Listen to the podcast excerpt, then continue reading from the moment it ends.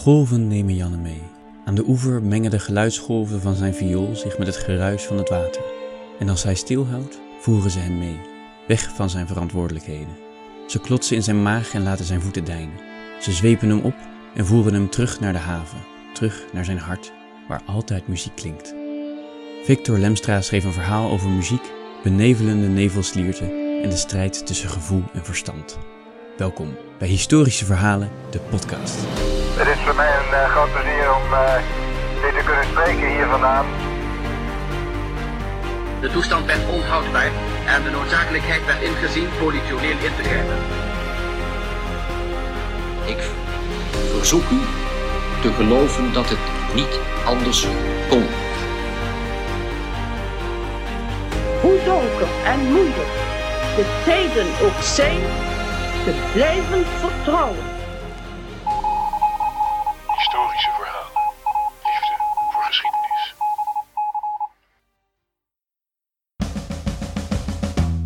Welkom allemaal. In deze podcast praten we met de schrijvers van uitgeverij Historische Verhalen over hun verhalen, de historische achtergrond en hun schrijfproces. Heb je het verhaal Zeevlam nog niet gelezen of geluisterd? Wees gewaarschuwd, want deze podcast bevat spoilers. Ik ben Kai en bij mij zit co-host en de man die auteurs helpt hun melodie te vinden in de mist van uitweidingen en mooi schrijverij, Rick van der Vlucht. Hey Rick. Hey, goedemorgen. Rick, het heeft al uh, een uh, tijdje geduurd voordat we weer een nieuwe podcast hebben uitgebracht. Om het even plat te zeggen, waarom duurt het zo lang? Waarom duurt het zo lang? Ja, ik heb een hele lijst van smoesjes liggen. Ik denk dat het beste toch is dat dat gewoon dan duurt om een verhaal te maken. Het is niet alsof je een verhaaltje tikt in een dag en het volgende online zet. Het verhaal moet geschreven worden. Nou ja, dat heeft al wat voeten in de aarde. Vervolgens komt er een vrij uitgebreid redactieproces. En vervolgens moet er ook een podcast gemaakt worden. Het verhaal moet ingesproken worden. Dus het hele maakproces, dat is best wel uitgebreid. En uiteindelijk is het ook gewoon een creatief proces. Een auteur moet inspiratie hebben, moet tijd hebben, moet discipline hebben. En het moet ook gewoon een goed verhaal zijn. Dus het komt wel eens voor dat dat gewoon langer duurt. Ik heb vrij vaak de ambitie om uh, een publicatieschema netjes af te werken. Maar ja, het leven is soms net wat anders.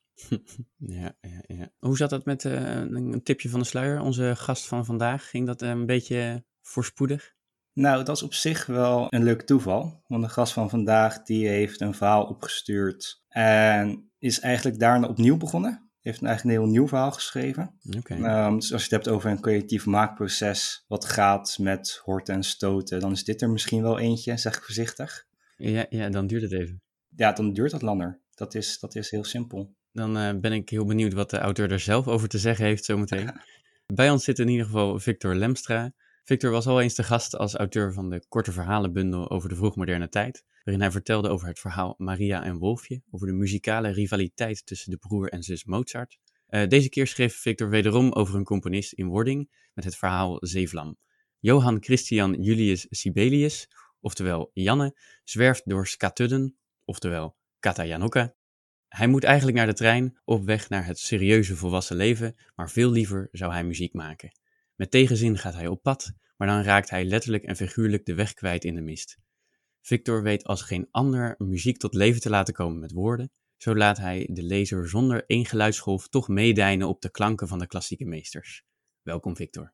Ja, dankjewel. Goedemorgen. Is toch een mooi welkom. Hele mooie entree, ja. ja. We, we, hebben al een, uh, een klein tipje van de sluier gelicht. Het uh, was niet een, uh, een verhaal dat in één keer uit de pen vloog.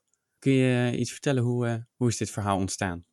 Ja, ik heb een eerdere versie geschreven. Dat was gebaseerd op een, een restaurantbezoek van componist Sibelius en een paar van zijn vrienden. En achteraf um, zei Rick van, ja, ik vind het toch wat, um, wat statisch. En het speelt zich allemaal maar op één locatie af. En het zijn eigenlijk alleen maar gesprekken. En ik dacht, ja, misschien moet er wat meer actie in. En ik heb geprobeerd het uh, verhaal te herschrijven. Maar uh, ja, als je één detail verandert, dan verandert de rest ook mee. Of, uh, het laat zich niet zomaar um, in, datzelfde stramien duwen. Dus ik ben helemaal opnieuw begonnen met een heel nieuw idee, een heel nieuwe invalshoek. En hoe was dat voor je? Nou ja, ik denk ook altijd wel van, oh, dat is toch best een leuk verhaal. Er zaten best leuke dingen in. Maar was het helemaal, helemaal opnieuw beginnen, nou, nou vooruit dan maar. Hè. Maar ik vond dat wel prima. Ik, ik, hoef geen, uh, geen finish te halen en ik, ik hoef niet mijn, mijn brood ermee te verdienen. Dus ik, ik vind het ook leuk om, om een vorm te vinden waar we ons allemaal in kunnen vinden. Mm -hmm. En als je nu dit verhaal vergelijkt met het eerdere verhaal, wat vind je dan? Ik vind het veel meer filmisch in plaats van een soort toneelstuk. Vorige verhaal was uh, alsof je een, een, een, camera op één plek laat, uh, laat draaien en gewoon registreert wat voor dingen er worden gezegd. Het vorige verhaal was gebaseerd op een schilderij van een, beroemde Finse schilder. Dat is ook een, vriend van Sibelius. En ja, dat laat zich toch wel weer moeilijk vertalen in een verhaal. Want ik, ik had dan een, soort concept in mijn hoofd van ik, ik haal dat schilderij erbij, ik haal alle kennis erbij die ik over die, die vriendengroep heb. Maar het gaat toch ook weer een beetje de dynamiek in de weg zitten, merkte ik. Mm-hmm. Ja, ik denk dat die eerste versie een, een helder conflict miste. En je vertelde in de podcast over de vroegmoderne tijd heel mooi dat een conflict de kern is van een verhaal. Ja. En ik denk dat die um, in die eerste versies een beetje miste. Maar zou je voor de lezer kunnen vertellen wat de kern is van, van dit verhaal nu? Wat ik heb geprobeerd is om de kern zo te vertellen dat het gaat om het conflict, een innerlijke conflict van een, um, een kunstenaar die probeert um, zijn weg te vinden. En dan moet kiezen tussen een meer conformistische weg van ik, ik moet de, een degelijke baan, ik moet uh, de kost verdienen. Ik heb verantwoordelijkheden voor uh, moeder en mijn broer en mijn zus. En aan de andere kant die, die, die hele sterke drang om in die wereld van de verbeelding te duiken. Om iets creatiefs te doen. Volgens mij is dat ook een geaardheid die je niet, niet uit kunt zetten, die je niet kunt negeren. Mm-hmm. Is dat een herkenbaar iets voor jou? Je bent zelf ook kunstenaar, nu schrijver. Ja, ik vind het heel herkenbaar. Dus ik heb ook geprobeerd om uit mijn eigen ervaringen te putten. En ik stel het mezelf altijd voor als um, ja, twee zielen. En de ene ziel wil heel graag uh, geaccepteerd worden en meedoen met de maatschappij, met gewoon de kost verdienen en uh, een degelijke baan en collega's en geaccepteerd worden. En de andere ziel wil voortdurend daarom ontsnappen en in, in de wereld van de verbeelding duiken, in creativiteit. Mm-hmm. En het lastige is, als je het één aandacht geeft, voelt het meteen alsof je het ander verwaarloost. Dus het is echt een balans zoeken tussen die twee. En heb jij die balans al gevonden? Nou, dat blijft altijd scherp stellen daarop. Ik heb heel lang geprobeerd om uh, een, een, degelijke baan te onderhouden. Dat is me ook wel een jaar of tien gelukt, maar altijd met een soort innerlijke behoefte om, om creatief te blijven. Als ik dat te lang negeer, word ik uh, ja, ongelukkig. Mm-hmm. En dat, dat is ja, misschien moeilijk uit te leggen, maar het, het is een, een conflict dat voortdurend doorgaat. En er is wel een balans in te vinden hoor. Met gewoon met een, een, een, leuke baan zonder al te veel pretenties. En dan zeggen van nou, ik ga vanavond lekker, lekker schilderen of ik ga lekker schrijven. En dan uh, is het goed vol te houden. Plato had het ook wel over een tweespan met een uh, paard van de reden en een paard van de gevoel, die hij uh, in balans moest houden. Ja, die willen allebei een andere kant op. Ja. Je moet ze in bedwang houden, en, maar ze moeten ook een beetje meewerken. Creativiteit wordt vaak ook gezien als, als iets dat, dat leuk is, hè? of schattig, of mm-hmm. gewoon leuk voor de mensen. Maar het is een wild beest dat je jezelf moet, moet accepteren, maar ook moet temmen. En dat zie je aan de buitenkant niet altijd, maar ja, binnenin is dat een heel sterk conflict. Is dat temmen van die creativiteit, heeft dat dan ook te maken met hoe je een opdracht aanpakt?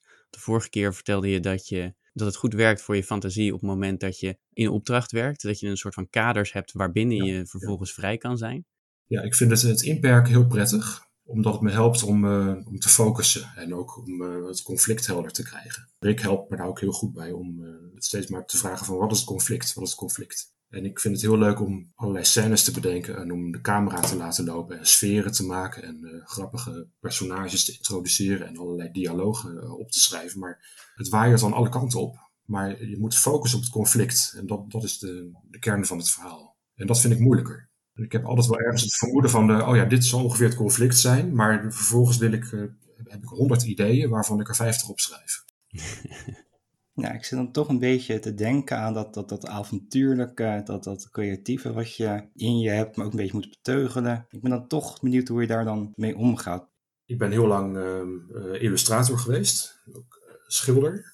En dat doe ik heel af en toe nog een beetje. Maar ik, ik heb nu meer mijn, uh, mijn draai gevonden met schrijven. Ik merk ook wel als ik ga schilderen dat ik dan heel snel uh, alles wat ik maak in een hoek schop. En probeer te vergeten. En heel snel ontevreden ben. Met schrijven kan ik me nu beter uitdrukken, merk ik. Dat, dat past nu beter bij hoe ik me voel, wat ik denk, hoe mijn brein werkt. Ik kan me daar nu beter in uit. Wat, wat maakt dat dan? Dat het woorden in dit geval beter werken dan beelden? Um, bij schrijven heb, heb, ik ook gewoon de tijd om goed te kunnen scherpstellen op wat ik, wat ik probeer uit te drukken.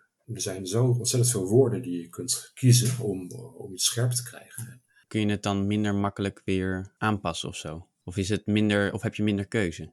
Ehm, ja, ik, dat vind ik wel even lastig om, eh, om te vertellen, maar ik, ik wil het wel doen hoor.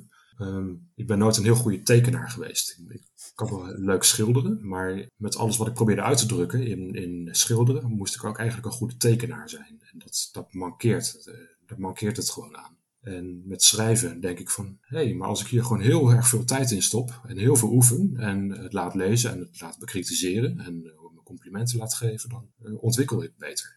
Ja, schrijven is een heel typisch ambacht. Ja, het is waarbij dat je moet leren. Ja, en ook dan heb je wel wat aanleg, wat taalgevoel en dat soort dingen nodig. En inspiratie en inhoud om een verhaal te vertellen. Maar de kern is gewoon een ambacht. Dat is voor tekenen en schilderen misschien ook wel zo. Maar ik heb het idee dat dat een groter grijs gebied is dan bij schrijven. Ja, tekenen zou eigenlijk ook heel ambachtelijk moeten zijn. Hè? Dat is uh, het academische ideaal van vroeger. Van, uh, ga eerst maar eens uh, goed stillevens leren tekenen of ga de anatomie bestuderen. Mm. Maar dat is allemaal overboord gegooid met kunstopleidingen. Het moest allemaal om het concept en om ideeontwikkeling, om expressie. Daar ben ik altijd op vastgelopen. Ik heb zelf ook een kunstacademie gedaan nooit hoor, in de jaren negentig. Maar ik voelde me altijd technisch te beperkt om te kunnen uitdrukken wat ik, wat ik wilde. Je hebt een beeldredacteur nodig in plaats van een ex-redacteur. Ja, ja, ik vind het ook echt, echt prettig om samen te werken. Uh, als ik alles in mijn eentje probeer uit te zoeken, dan word ik toch een soort uh, zogenaamd genie op zolderkamer. En dat, dan, dan, ga ik de mist in. Ik vind het wel heel fijn om te kunnen samenwerken. Hoe heb je het schrijven gevonden uiteindelijk? Ik ben het voor mijn plezier gaan doen, een jaar of tien geleden. Ik heb van die kleine mooie boekjes gekocht bij, uh, bij de boekhandel en ik ben dat vol gaan schrijven. Vol met ideeën, met invallen, met, met sferen, met personages, met dialoog. En dat prikkelde me wel. En op een gegeven moment had ik ontzettend veel uh, tekst geschreven. Echt duizenden bladzijden met, met, met, met wartaal, met, met uitprobeersels. En ik dacht van, ik, ik moet wat meer vorm gaan geven. Er moet meer structuur in komen. Dat heb ik veel meer geleerd op de, de Schrijversacademie. En daar heb ik ook Paul Christian Smits ontmoet bijvoorbeeld. En die heeft me weer met historische verhalen in contact gebracht. Ja, en toen had ik een bepaalde uh, samenwerking, een leuke kring mensen om me heen, die, uh, die zeiden van, uh, nou, ga dit doen hè, en laat dit nou maar zitten. En dat heeft me enorm geholpen om te kunnen focussen. Wat moest je gaan doen? Ik moest een verhaal schrijven voor, als proef voor de uitgeverij. Paul had me gevraagd van, wil jij dus een verhaal inleveren? En ik dacht van, hé, hey, dat is leuk, dat ga ik doen. Ja, dan heeft schrijven opeens een ander doel erbij. Dan heb je een ja. podium. Ja, en het is ook heel fijn als uh, de energie ook een beetje van buiten moet komen. Dat, uh, dat de mensen op me rekenen van nee, ik, ik, wil dat en dat resultaat en dat wil ik ongeveer dan en dan uh, af hebben. En dan vind ik het heel fijn om daar naartoe te werken, want dan is de vrijblijvendheid ook weg. Want dan moet het gewoon af.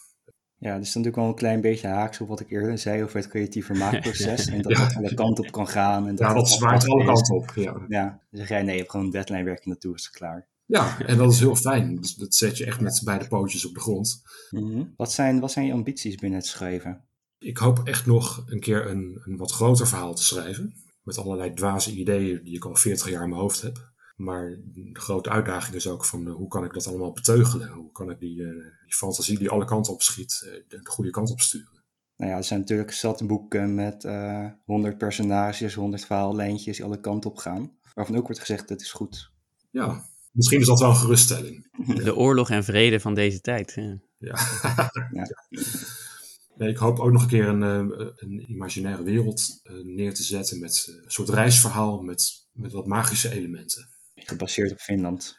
Een beetje op de sfeer van Finland. Het mag wel echt, echt in de bossen afspelen. Dat vind ik wel heel belangrijk. Dus uh, zullen we je een deadline geven? Dan, uh, ja, kom op. Ja, niet te snel graag. ja.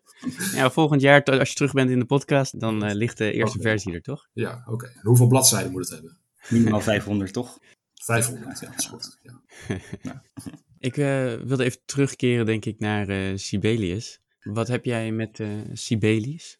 Ah, Sibelius, ja. Dat, ik hou sowieso van, van klassieke muziek. En dit is een van mijn favoriete componisten. Hij is inmiddels ook uh, internationaal uh, beroemd. Ik zal niet zeggen dat hij uh, bij de allergrootste hoort, maar hij wordt wel echt erkend als een van de belangrijke componisten van de eind 19e, begin 20e eeuw. En voor mij ja, betekent dit ook echt avontuur en psychologie, mythologie en vergezichten. hij is iemand van enorme verbeeldingskracht. Het is niet heel toegankelijke muziek, hoewel het wel tonaal blijft. Het, het gaat nergens experimenteel worden. Maar het blijft een hele bijzondere muziek die, die heel mooi de, de natuur kan, kan uitdrukken. Maar ook de psychologie van, van mensen. Er zit een bepaalde onderhuidse emotie in die ik heel mooi vind. En het verhaal? Kun je iets vertellen over de setting waarin het zich afspeelt? Ja, het verhaal speelt zich af um, rond het jaar 1885. Het hoeft niet heel exact uh, te zijn, maar 1885 was ook uh, het moment dat uh, de jonge componist nog dacht van ik moet rechten gaan studeren. Ik moet naar de universiteit, ik moet een goede baan. Dat verwacht mijn familie van me. En ik heb dat moment ook gekozen, dat een beetje de grens tussen puberteit en volwassenheid, van, dat moet maar duidelijk worden van welke kant gaat hij op. Het speelt zich ook af op een, uh, op een schiereiland bij de, de hoofdstad, Helsingfors. Dat is de Zweedse naam. Helsinki is uh, de Finse naam van, uh, van de hoofdstad. En, de Zweedse naam Skatuden, Katajanokka in het Fins. Het is nu een heel deftige wijk. Net... Maar dat, dat is allemaal dezelfde plek of dezelfde het is wijk? dezelfde plek, ja. Het is nu een heel deftige wijk, aan de, net buiten het centrum. Maar zo eind 19e eeuw was het een heel armoedige plek ja, verzameling krotten met houten huizen, met een gevangenis. En ja, aan de, aan de rand van het centrum stond een, een hele mooie kathedraal, de Uspensky-kathedraal. Die kun je daar nog steeds vinden. Dat was het, net, net als de gevangenis het enige stenen gebouw. En verder had je wat uh, ja, arme mensen. Mensen die een beetje in de marge leefden. Uh, vissers, arbeiders, ook wat boeven. En dat is het, de plek waar het verhaal zich afspeelt. Want wat in het verhaal terugkomt is ja, niet zozeer de strijd tussen Finnen en Zweden. Um, ik weet dat er heel veel is, um, er is heel veel oorlog geweest in Scandinavië. Ja. Uh, Zweden heeft vaak verschillende gebieden overgenomen en is weer onafhankelijk geworden. Maar op welk puntje in de geschiedenis zijn we in dit verhaal? We zijn nu uh, op het punt dat de bevolking van Finland wel een beetje begint te begrijpen van hé, hey, wij zijn geen Zweden en we zijn ook geen Russen. Wie zijn we dan wel? Nou, dan zijn wij dus Finnen. Maar wat betekent dat nou? En waar baseren we dat op? En in die tijd werd het ook heel, heel duidelijk dat, dat ze een heel eigen mythologie hadden, de Kalevala, en een eigen taal. En dat zijn twee hele sterke elementen geweest die uh, het ontstaan van uh, het onafhankelijke land hebben bespoedigd. Mm. En dus ook eigen componisten. En daardoor ook eigen componisten. Eigen schrijvers, eigen dichters, eigen schilder, eigen architectuur en eigen componisten. Wat heeft Sibelius betekend voor die nationale identiteit? Enorm veel. Het leuke is dat hij dat nog steeds betekent. De bevolking van Finland vindt nog steeds dat hij heel mooi die, die nationale identiteit kan verklanken. Ja, Sibelius is wel echt het visitekaartje van, uh, van de Finse cultuur. Want in dit verhaal wordt hij ook afgeschilderd als uh, eigenlijk een Zweed, een soort van stadse... Ja, stadse meneer. Had hij de Zweedse roots of is, het, of is dat meer de perspectief van de bewoners daar? Sibelius is eigenlijk een uh, Zweedse naam. Net als uh, Johan uh, Christian Julius. het zijn deftige Zweedse namen. En in die tijd had je een, een klein deel van de bevolking, dat, dat waren Zweden. In ieder geval afstammelingen van, van Zweden die ooit in Finland zijn komen wonen. En van oudsher waren dat de mensen met ja, de, de macht en de invloed. Dat waren de, de rijke burgers, dat, waren de, dat was de adel, dat was de kerk, dat waren de militairen. En de Finnen, dat waren soort tweederangs burgers, dat waren boeren en arbeiders. Hoewel ze ook uh, ja, 90% van de bevolking uitmaakten. De, de Zweden hadden daar uh, de touwtjes in handen. En dat was in die tijd nog heel sterk. En tegenwoordig is dat gelukkig veel, veel minder zichtbaar. Het is ook een tweetalig land. Vooral in het zuiden en in, in het westen zul je dat tegenkomen. Dat plaatsnamen bijvoorbeeld in het Zweeds en in het Fins worden genoemd. Maar is de Finse componist Sibelius nou Fins of Zweeds? Hij is Fins. maar hij, sprak Zweeds, maar hij heeft zichzelf aangeleerd van ik, ik word een Fin. Het was ook heel deftig om uh, je Zweedse naam in, in, een Finse naam te veranderen. Meerdere Zweden deden dat, ook omdat ze dat zo voelden. Van uh, wij worden met z'n allen echt Finnen. En dat uh, gold ook voor een, heel interessante schilder die ik in mijn eerdere verhaal had genoemd. Axel Galleen. En hij veranderde zijn naam ook in, in een Finse naam. Hij maakte er Axeli Gallen Kalela van. Zo is hij nu nog steeds bekend. Maar het heeft nog wel even geduurd toch tot Finland onafhankelijk werd? Ja, ja, de Eerste Wereldoorlog moest er overheen. De Russische revolutie. De opkomst van de, de Bolsjewieken. En in 1917 werd, uh, werd Finland echt onafhankelijk van, uh, van Rusland. Want in de hele 19e eeuw was het een, een onderdeel van het Russische Tsarenrijk een groot hertogdom met een zekere zelfstandigheid. Heel lang waren ze ook vrij zelfstandig. Maar de, het was de laatste tsaar, Nicolaas, die um, trok de touwtjes weer heel strak aan.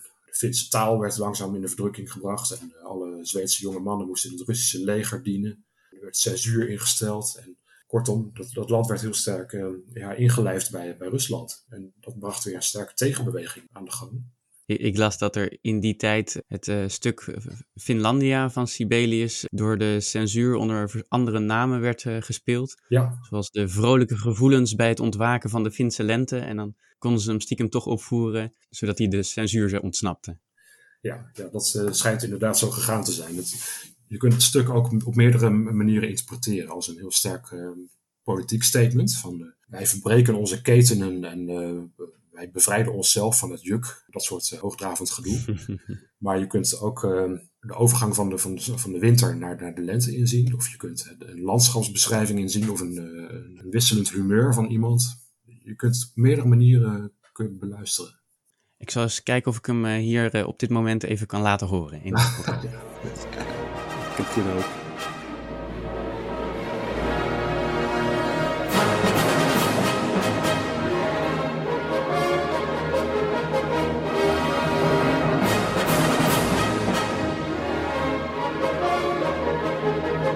thank you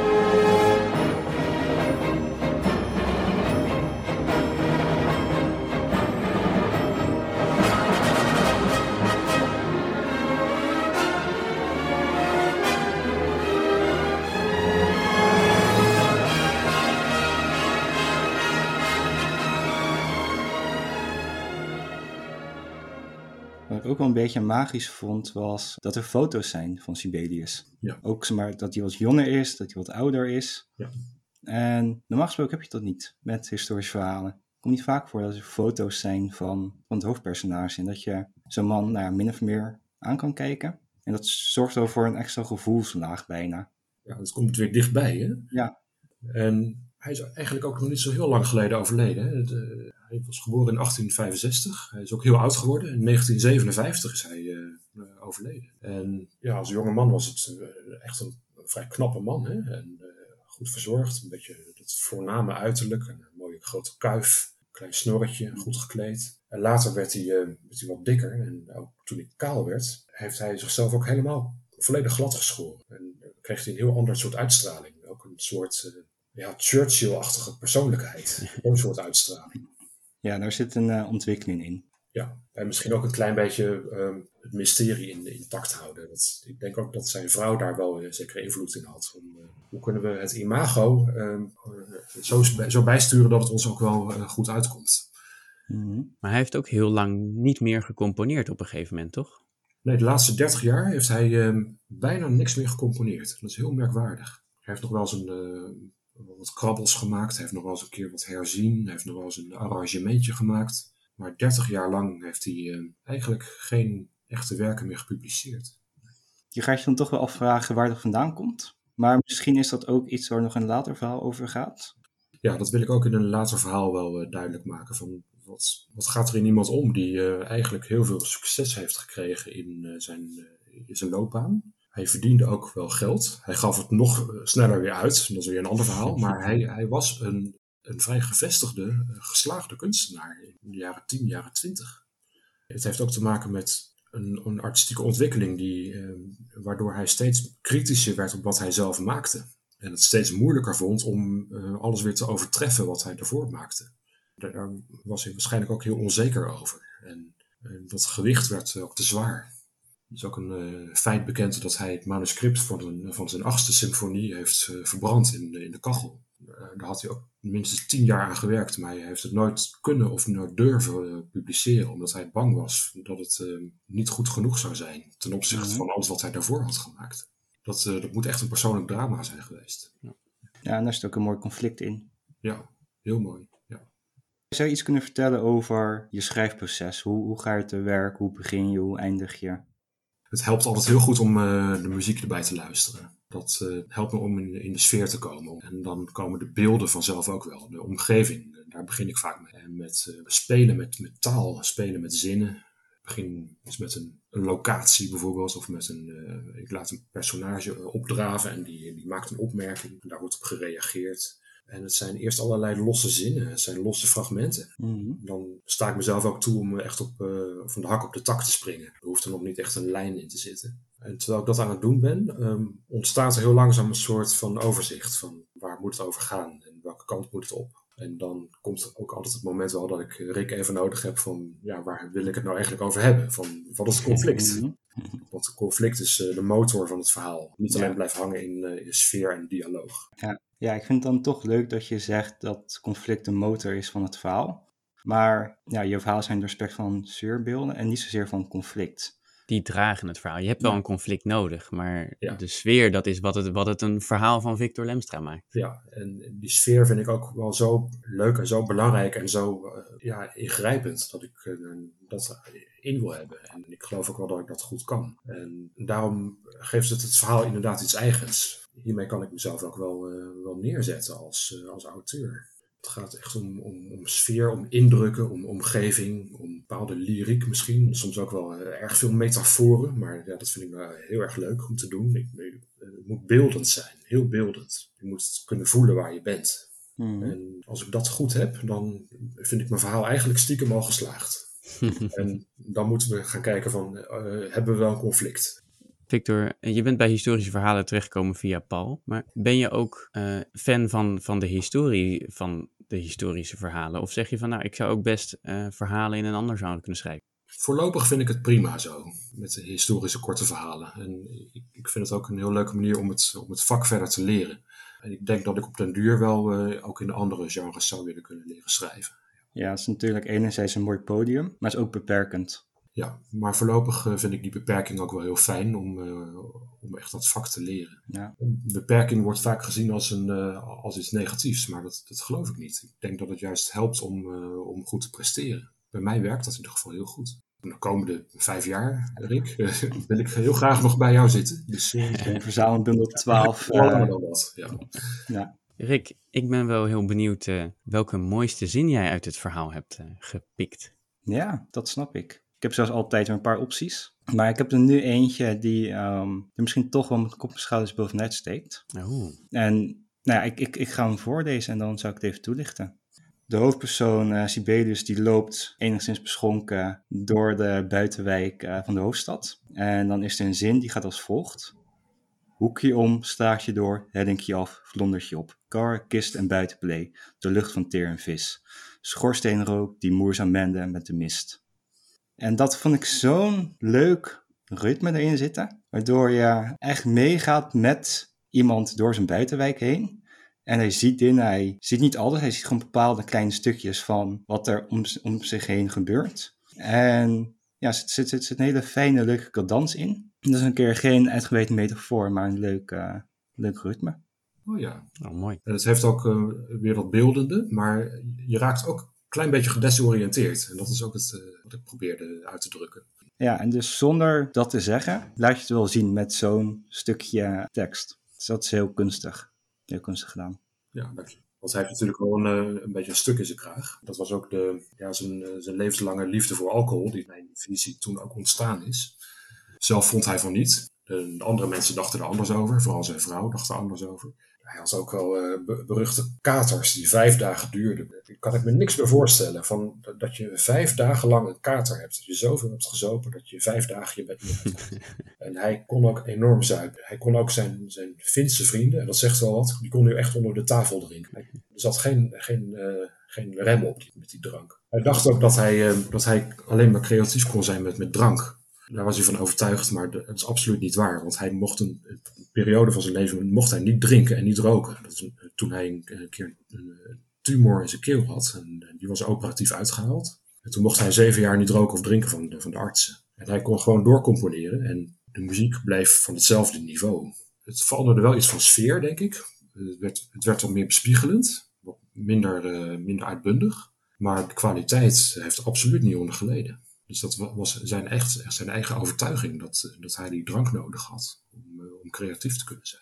Ja, ja. En als jij eh, dezelfde zin kijkt, of als jij toevallig een ander. Ik had net iets anders, maar ik vind het wel een goede keuze. Eh, ik eh, ga wel door op het thema beneveling. Eh, dat is sowieso een thema wat vaker voorkomt in de verhalen van Victor, is me opgevallen. Dus eh, daar moeten we het misschien ook nog maar even over hebben. maar eh, met de historische achtergrond die ik nu weet, zou ik wist meteen dat er een levenslang verbond werd gesloten toch even een honorable mention moeten krijgen. Op het moment dat Sibelius dat zegt over eh, zijn eerste slok alcohol. Eh, maar dat was niet degene die ik eh, had uitgekozen, want de zin die ik had uitgekozen is een zin die, vind ik, een mooi element van Victor Stel uh, benadrukt. Want het, we hebben het al een aantal keer genoemd. Het verhaal is sfeervol. Ik zeg het nog maar een keer. En die sfeer is ook over het algemeen een vrij zwaar. Het is een vrij zwaarmoedig persoon. Het is best wel een, een slepende uh, stijl die daarin zit. Maar Victor weet dat te combineren met grappige en korte dialogen en soms ook beschrijvingen. Dus ik wilde juist zo'n komisch dingetje er even uithalen. Ben benieuwd. Het gaat om uh, Sibelius, die dan al ietsje verder is dan uh, bij jouw zin, Rick. Hij is al in, het, in de kroeg terechtgekomen en uh, hij wordt daar meegenomen door een prostituee een trappetje op. Nou, dat, dat trappetje is al de vraag of het een ladder is of een trap. En vervolgens komt hij in een klein kamertje en dit is wat hij, wat hij ziet. Dit was geen cafékamer waar we nu waren. Twee lage venstertjes aan beide kanten, een bed en een mottige leunstoel. Een olielampje dat het donker in schemering veranderde. Ik kon er niet rechtop staan. Dat kwam mooi uit, want nu kon ik mezelf behoeden tegen omvallen door mijn hoofd tegen het plafond te klemmen. En dat, vooral dat laatste vond ik een erg mooi beeld voor uh, iemand die uh, in uh, benevelde toestand probeert zich nog een houding te geven. Ja. ja, mooi. Ja, dit heb ik ook helemaal niet bedacht. Dit was echt een ingeving. en ik heb wel wat van die leuke oude huisjes daar bezocht in Finland, ook in een openluchtmuseum bijvoorbeeld. En dan merk je ook hoe krap en hoe donker die oude huisjes zijn. En je kunt er inderdaad niet rechtop staan. Je moet voortdurend opletten van dat je je knar niet stoot tegen allerlei balken. En ik dacht van, misschien kan het ook wel een voordeel hebben dat, hij, dat nu zo'n laag plafond is. Want dan kan hij uh, zichzelf steunen, op, niet alleen op zijn voeten, maar ook met zijn hoofd. En ja. dan in zijn toestand kan hij uh, ja, netjes op zijn pootjes blijven staan. Ik, ik, schrijf graag over dronkenschap, maar ik, ik ben zelf nou, ongeveer één keer in de zeven jaar dronken. Dus dat valt erg mee. Nee, maar inderdaad, die beneveling die komt in meerdere verhalen naar voren. Het helpt ook om een beetje in een magische sfeer te komen. Die magie die ik altijd heel aantrekkelijk vind om uit te drukken, om mee te spelen. Op het moment dat de grenzen van de realiteit een beetje gaan schuiven. En dat de, de verbeelding uh, aan invloed gaat winnen in, in, de realiteit. Dat de realiteit een beetje op een, op een zijspoor, op een laag pitje wordt gezet. Dat vind ik heel interessant. Moet je dan niet eigenlijk gewoon verder terug de geschiedenis in, naar tijden waarin er degelijk werd geloofd in meer magische elementen? Ja, ik uh, verlang daar stiekem ook wel eens naar hoor, naar, uh, naar dat soort tijden. Ja, niet naar alles natuurlijk, niet, niet naar de tandartsen van die tijd bijvoorbeeld, daar verlang ik niet naar, maar wel een beetje die, dat levensgevoel van die magie die heel sterk aanwezig was in het dagelijks leven van mensen. Wat ik ook nog steeds in, in muziek terug hoor, is het verlangen daarnaar. Want waarom maken we muziek? Om, omdat het leuk is? Het is veel meer dan dat. Het is ook om uh, contact uh, te maken met, uh, met iets betoverends. En dat brengt me ook weer ja, op, op de Finse cultuur. Ik vind het ook wel leuk om daar nog even een beetje bij stil te staan. niet alleen de klassieke muziek, maar ook folkmuziek in Finland is heel sterk. Maar ook de, de metal. Het heavy metal land ter wereld. Er zijn, ik geloof, 4000 heavy metal bands. Een bevolking van 5,5 miljoen mensen. Elke, elke wijk, elke buurt heeft een eigen metalband. Waarom dan juist daar? Je hebt die sauna-cultuur, je hebt de heavy metal en je hebt een hele extra zoute drop. Je hebt ontzettend veel koffie. En het is allemaal bedoeld om mensen een, een schop onder hun kont te geven. Om jezelf een schop onder je kont te geven. In een, in een land waar het klimaat niet altijd uh, makkelijk is. Met heel veel uh, duisternis in de winter, heel veel donker, heel veel kou. Een soort van extreme ervaringen om je wakker te schudden. Ja, dat je uit die, die sluimer wordt gehaald van, van maandenlang in, in donkere bossen lopen. Wat maakt dat dan in Finland heftiger dan in de andere Scandinavische landen? Het ligt nog wat noordelijker. Hè? En het is nog een stukje saaier dan in Zweden of in Noorwegen. Dus, ja, en het zijn ook hier niet echt Scandinaviërs, de Finnen. Finnen zijn Finnen. Het zijn geen Zweden of Noorden of Denen. Het zijn ook geen Russen. Ze hebben een eigen geaardheid, die misschien nog iets donkerder is dan, dan die van de Zweden of de Noorden. Dus ze zijn ook altijd heel blij verrast als je interesse in, in, ze toont. Van wij, we zijn helemaal niet interessant. Van, wij, wij zitten in een rare uithoek en we hebben een heel saai land. We zijn hele saaie mensen. En dan zeg ik, nee, juist niet. En dan daarom en daarom en daarom. En dan, nou, sommige vinden die barsten dan in tranen uit. Van, uh, wat? Wij dachten al dat, het, uh, dat we helemaal niet bekend waren in Europa, op, op het continent. Hm. Het is heel mooi hoe, uh, hoe ze kunnen reageren. Het zijn ook vrij emotionele mensen. Als je daar een beetje door die buitenkant heen prikt, komt dat heel sterk naar voren. Kunnen we nog meer Finse verhalen van je verwachten? Dat zou zomaar kunnen, ja. ja. Nou, dan komt eerst nog twee over Sibelius. Ja, dus er komen er dat- nog twee. Ja. maar kijk. Ik heb al een eh, paar andere insteken gevonden. Dus ik wil het ook even niet over dronkenschap hebben, maar juist over dochter bijvoorbeeld. Hoe een dochter kijkt naar haar vader en naar het gezin waar ze opgroeit. Terwijl ze op het dak van hun huis zit, bijvoorbeeld. Waarom zit ze op het dak van het huis? Eh, vader was bang dat, eh, dat hij gestoord werd tijdens het componeren door allerlei geluiden die hem zouden afleiden. Dus de, de dochters mochten eh, niet bij hem in de kamer en ook niet in de, kamer naast hem zitten, want dan zouden ze lawaai maken. Sterker nog, hij had geen waterleiding in zijn huis laten aanleggen, omdat hij bang was dat het, dat het te veel lawaai zou maken. Dat het hem zou afleiden van het componeren. Ja, dat is wel heftig. Maar ja, anders kon hij die misthoorn natuurlijk niet meer horen van het zeemonster. Ja, een zeemonster, ja. ja, dat, Ja. En dat, dat wilde hij voortdurend kunnen horen. Die innerlijke stemmen. De stem van de natuur, de stem van de magie, de, de mystiek van het land. Mhm. Victor, heel erg bedankt voor dit gesprek. Mochten luisteraars nou alles van jouw volgende verhalen willen weten, kunnen ze jou persoonlijk volgen of moeten ze gewoon historische verhalen in de gaten houden? En dan mogen ze voorlopig eh, historische verhalen in de gaten houden. Goed. nou, dan zou ik zeggen, vergeet ons niet te volgen op Twitter, Instagram en Facebook. Rick, wat is de volgende stap in de planning? De volgende stap in de planning. Dat is natuurlijk altijd onder voorbehoud. Nee, dat valt nu wel mee. Het verhaal ligt al klaar op de plank. Dat is een verhaal van Paul Christian Smith. Het gaat over armoedzeijers uit Duitsland die eh, het geluk gaan zoeken in Amsterdam. Kijk, kunnen we weer genieten van de platte boeren van Christian. Tenminste, ja, Klopt, klopt. Het is een, eh, het is een leuk verhaal. ja, ja, laat het maar aan hem over. ja. Ja, dat, eh, dat kan die wel. Nou, dan eh, wens ik jullie nog een fijne dag en tot de volgende keer. Dank jullie wel. Hoi. Dag.